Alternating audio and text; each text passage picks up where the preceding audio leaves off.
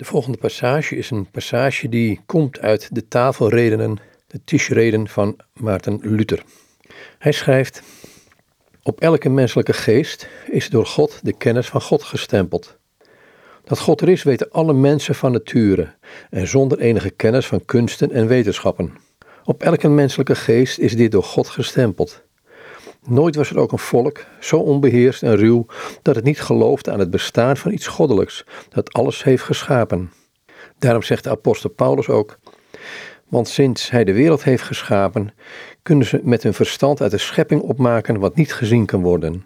Zijn eeuwige macht en zijn God zijn. En dan gaat Luther verder. Daarom wisten alle heidenen dat God er is.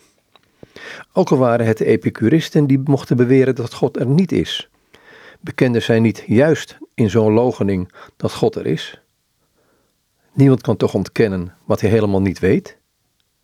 Daarom hebben velen hun leven lang domme dingen gedaan en geleefd alsof er geen God is. Toch hebben zij nooit het geweten dat getuigt en bevestigt dat God er is, uit hun ziel kunnen verjagen. En hoewel dat geweten door bedorven en verkeerde meningen tijdelijk onderdrukt is geweest, keert het toch terug en overtuigt hen bij de laatste ademtocht des levens. Anders Maarten Luther. Een citaat, een passage uit zijn Tischreden, zijn tafelredenen.